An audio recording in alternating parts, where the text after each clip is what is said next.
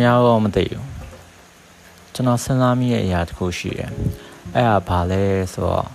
ကျွန်တော်အမှန်တရားဆိုတာပြောဖို့ဘာလို့ခက်ခဲနေလဲဆိုတဲ့အကြောင်းအရာကိုကျွန်တော်ခဏခဏစဉ်းစားမိတယ်ကျွန်တော်ငငယ်တော့ထင်ခဲ့တာလူရဲ့အမှန်တရားကိုချက်တယ်အမှန်တရားကိုမျက်နှာပဲအမှန်တရားဆိုတာအရာထပ်ပို့ပြီးတော့ကြီးကျယ်ခမ်းနားရယ်ဆိုတာမျိုးကိုကျွန်တော်အမြဲစဉ်းစားမိတယ်ဒါပေမဲ့အသက်အရွယ်ရလာတဲ့အချိန်မှာကျွန်တော်နားလည်လိုက်တာအမှန်တရားဆိုတာ ကြီးကျယ်ခမ်းနားရယ်ဆိုလူတွေကထင်မြင်ယူဆတာပဲရှိတာလူတိုင်းကအမှန်တရားကိုကြားကျင်တဲ့စိတ်မရှိဘူးသိကျင်တဲ့စိတ်မရှိဘူးလူတွေကတိုးအဆင်ပြေတဲ့အရာတွေတိုးနဲ့ကိုက်ညီတဲ့အရာတွေပဲသိကျင်ကြားကျင်တဲ့စိတ်ရှိတယ်အဲကျွန်တော်ဒီ podcast မှာဘာလို့အမှန်တိုင်းပြောဖို့ခက်ခဲနေရလဲဆိုတာမျိုးကိုကျွန်တော်ပြောသွားမယ်ကျွန်တော်ငငယ်တော့စာဖတ်ရတော်တော်ဝမ်းလာပါတယ်အဲစာဖတ်တဲ့အချိန်မှာလည်း ဟိုယောက်ျားပိတာရဲ့ဟိုဘာဟိုအဲ့လိုမျိုးဟာတွေကိုကျွန်တော်ကပို့ပြီးသဘောကျတယ်ဆရာရွှေဦးတောင်းရဲ့စာအုပ်တွေနဲ့ပဲကြီးခဲ့လို့လားမသိဘူးဗျာကျွန်တော်အဲ့စာကိုအရန်ကြိုက်တာအဲအဲ့လိုပြောလို့ယောက်ျားရဲ့ယောက်ျားဆန်ခြင်းတို့ဘာကိုပြောတဲ့အချိန်မှာကျွန်တော်ကကြားမခွဲခြားဆက်ဆံတာမဟုတ်ဘူးဗျအဲ့ချိန်အဲ့ခေအဲ့ခါတော့ကတော့ယောက်ျားဆန်တယ်ဆိုတာကောင်းမြတ်တဲ့အရာကိုရည်ညွှန်းတယ်လို့ပဲကျွန်တော်တို့ကလေ့လာဖတ်ရှုခဲ့ရအောင်အခုချိန်မှာတော့ ကောင်းမြတ်တာတွေလောက်တာနဲ့ယောက်ျားဆန်တာနဲ့မဆိုင်ဘူးပေါ့နော်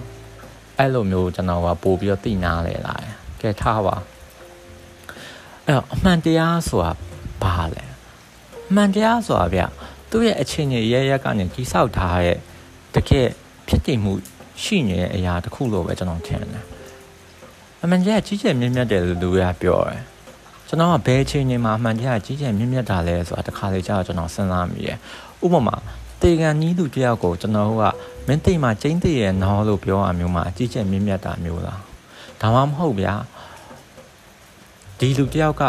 မိဘဒါမှမဟုတ်ကိုချစ်တဲ့လူစုံပါသွားလို့ဝမ်းနေနေတဲ့အချိန်မှာစိတ်ထဲမထားပါနဲ့နောက်၄50နှစ်အဲ့လောက်အချိန်တစ်ခုမှမင်းဒီလူတွေကိုလုံးဝမေ့သွားမှာပါလို့အားပေးရမျိုးလားကျွန်တော်ပြောခဲ့တဲ့ဟာတွေကအမှန်တရားတွေပဲဗျာဒါပေမဲ့ အဲ့မှန်တရားကိုလူတွေကကြားလို့စိတ်လည်းမရှိဘူးလက်ခံလို့စိတ်လည်းမရှိဘူးအဲ့လိုမျိုးပြောလိုက်ရင်လည်းလူတွေကမင်းကအလိုက်မသိဘူးဆိုတာမျိုးနဲ့ပြန်ပြီးခြေပါတယ်အဲ့ကျွန်တော်အမြဲမေးခွန်းထုတ်မိရရာတခုရှိတယ်အလိုက်သိရနဲ့မှန်တာနဲ့ဘယ်ဟာပိုရေးပါလဲဘယ်ဟာလူတွေအတွက်ပို့ပြီးအတုံးတဲ့လဲကျွန်တော်နှစ်ခုလုံးကသူ့ဟာသူအတုံးတဲ့လို့ကျွန်တော်လက်ခံထားတယ်ဒါပေမဲ့အမှန်တရားဆိုတာအလိုက်သိရထက် ပိုရလို့လည်းကျွန်တော်ကပို့ပြီးတော့ယုံကြည်လက်ခံတာရယ်ဘာလို့လဲဆိုတော့အမှန်တရားဆိုတာကလူဖွဲ့စည်းကိုမောင်းညံနေတဲ့အကြောင်းအရာပဲတက်နဲ့တက်ပေါင်းရင်နှစ်ဖြစ်တယ်ဆိုတဲ့ဟာမျိုးနဲ့သွားပြီးတော့ဆက်နေတချို့ဟာတွေကဟုတ်တော့ဟုတ်တယ်ကွာဒီအချိန်မှာမပြောသင့်ဘူးဆိုတဲ့ဟာမျိုးရှိကောင်းရှိမယ်ဒါပေမဲ့မပြောသင့်ဘူးဆိုတာမပြောရဘူးဆိုတဲ့အဓိပ္ပာယ်တော့မဟုတ်ဘူးဥမာအဲ့လိုမျိုးပြောလိုက်တဲ့အချိန်ကျရင်လူတွေကမြတ်စွာဘုရားဟောခဲ့တဲ့ဟာ အဲကျွန်တော်ကပြန်ပြီးတော့နှိုင်းရှင်ပြောကြတာမျိုးရှိတယ်ဥပမာမှန်တော့မှန်ပေမဲ့အကျိုးမရှိရမျိုးဆိုမပြောသင့်ဘူးအဲ့တော့ကျွန်တော်ကအကျိုးရှိရဆိုရဲဟာကိုမြတ်စွာဘုရားကဘာနဲ့တိုင်းလဲဆိုတာကိုပြန်ပြီးမေးခွန်းထုတ်ဖို့မေ့နေတယ်မြတ်စွာဘုရားတော်တော်အကျိုးရှိရဆိုတာလောကီရနေပြီးတော့ထောက်ရပေါက်တယ်ဆိုလိုတဲ့သဘောကလောကီရေးရနေပြီးတော့ပြီးဆုံးသွားပြီးတော့ဒီလောကုတ္တရာခုနပြောရဲ့နိဗ္ဗာန်ရောက်ရ လမ်းစဉ်ဒီအကျိုးရှိရဲ့လမ်းပဲနိဗ္ဗာန်ရောက်ကလမ်းစဉ်မဟုတ်တဲ့ဟာမှန်သမျှဒီမြတ်စွာဘုရားရဲ့မျက်လုံးထဲမှာအကျိုးမရှိဘူးအဲ့တော့ကျွန်တော်ဒီလူဖွဲ့ဒီမှာသုံးနေရဲ့အကျိုးရှိရယ်ဆိုတဲ့အရာရဲ့အကုန်လုံးဒီမြတ်စွာဘုရားရဲ့မျက်လုံးထဲမှာသူ့ရဲ့ဒေသနာထဲမှာအကျိုးရှိရယ်လို့ကျွန်တော်မထင်ဘူးဒါအကောင်ကအကျိုးမရှိရဲ့အချင်းကြီးအလုပ်တွေပဲဗျဥပမာ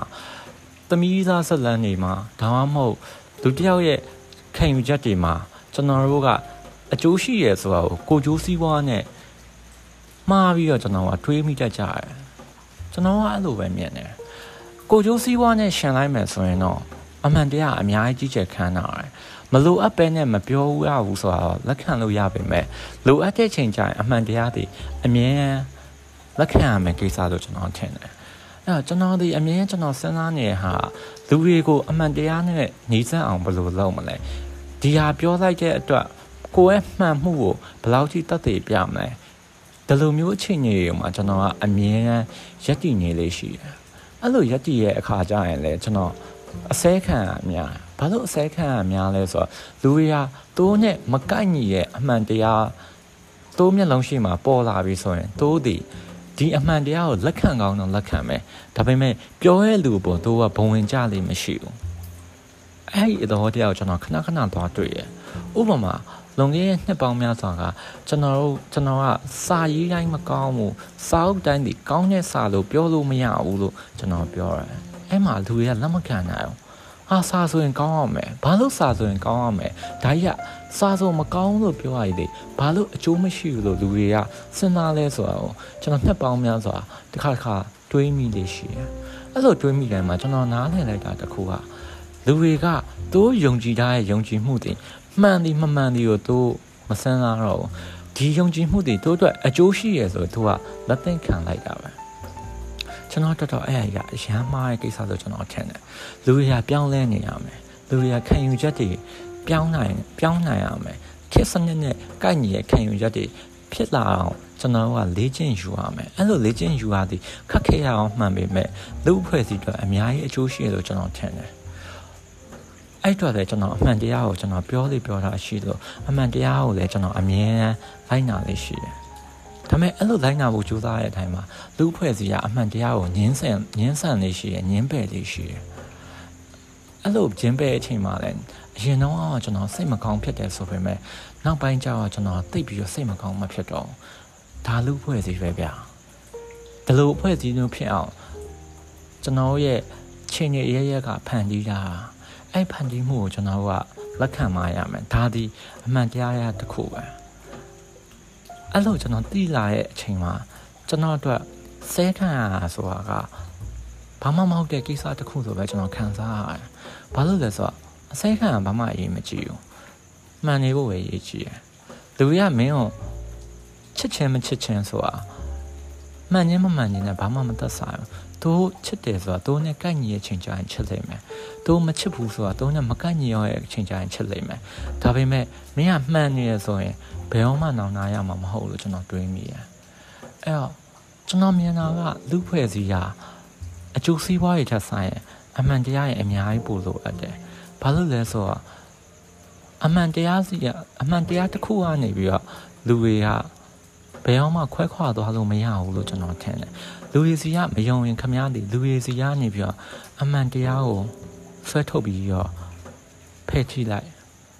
ဒီလူဖွဲ့စီဒီလူရဲ့တန်ဖိုးဆိုတာဗျာအကုန်လုံးပျောက်ပြတ်သွားသွားပြီးတော့တွေ့ရလိုက်မယ်အဲ့ဒါကျွန်တော်ကနဝင်မချိုးရဲ့အမှန်တရားရဲ့ better truth လို့ခေါ်ရဲ့အရာတွေဒါတွေအကုန်လုံးကိုကျွန်တော်က tree ပိုက်ပြီးတော့လက်ခံနာမှရမယ် အဲ့လိုတွေးမိတဲ့အချိန်ကျရင်ခမားဟာခမားရဲ့ပျော်ရွှင်မှုကိုဘယ်တော့မှလူတွေရဲ့ထင်မြင်ယူဆချက်မှာတိဆောက်တော့မှာမဟုတ်ဘူးဗျ။ဘာလို့လဲဆိုတော့ခမားမှာခမားရဲ့ရှင်ထဲမှာအမှန်တရားဆိုအမြဲရှိနေလို့ပဲ။ကျွန်တော်ဘာလို့ဒီကိစ္စကိုပြောလဲဆိုတော့ခမားကတခါလေကြာရင်လူအဖွဲ့အစည်းရဲ့ညင်းပန်မှုညင်းပယ်မှုညင်းဆန်မှုတွေကိုခမားကကြုံရလိမ့်မယ်။အဲ့လိုကြုံရတဲ့ခါကျရင် ခမရမှာစိတ်မကောင်းဖြစ်ရမျိုးအများကြီးရှိလိမ့်မယ်ဒီစိတ်မကောင်းဖြစ်မှုဟာတကယ်လို့လေ့ကျင့်ထားမယ်ဆိုရင်ခမရရဲ့နှလုံးသားရဲ့အထိဘယ်တော့မှမရောက်လာနိုင်ဘူးခဏတာစိတ်မကောင်းဖြစ်တာနဲ့ပဲအဆုံးသတ်သွားနိုင်တယ်ဒါလို့အဆုံးသတ်ခြင်းကြောင့်ခမရပျော်ရမယ်လို့ကျွန်တော်အာမမခံဘူးဒါပေမဲ့ရေရှည်မှာတော့ခမရအတွက်အများကြီးအကျိုးရှိတယ်အဲ့တော့ခမရအနေနဲ့ကိုကျိုးစည်းဝါးနဲ့ရှင်လာရင်အမြင်အမှန်တရားကိုရွေးချယ်တင်ကြလို့ကျွန်တော်ထင်တယ် ဒီ podcast ကညံ့ညံ့မြန်ကောင်းတော့မြန်မယ်ဘာလို့လဲကျွန်တော်ဒီ podcast ကိုမြန်မြန်လေးပြောလိုက်ချင်လို့အဲ့တော့အမှန်တရားဟာခမရောရဲ့ကိုကြိုးစီးပွားတဲ့အများကြီးအကျိုးရှိတဲ့ကိစ္စပါအဲ့နောက်ကိုပဲ live ဖို့ကျွန်တော်တိုက်တွန်းခြင်းတယ် thank you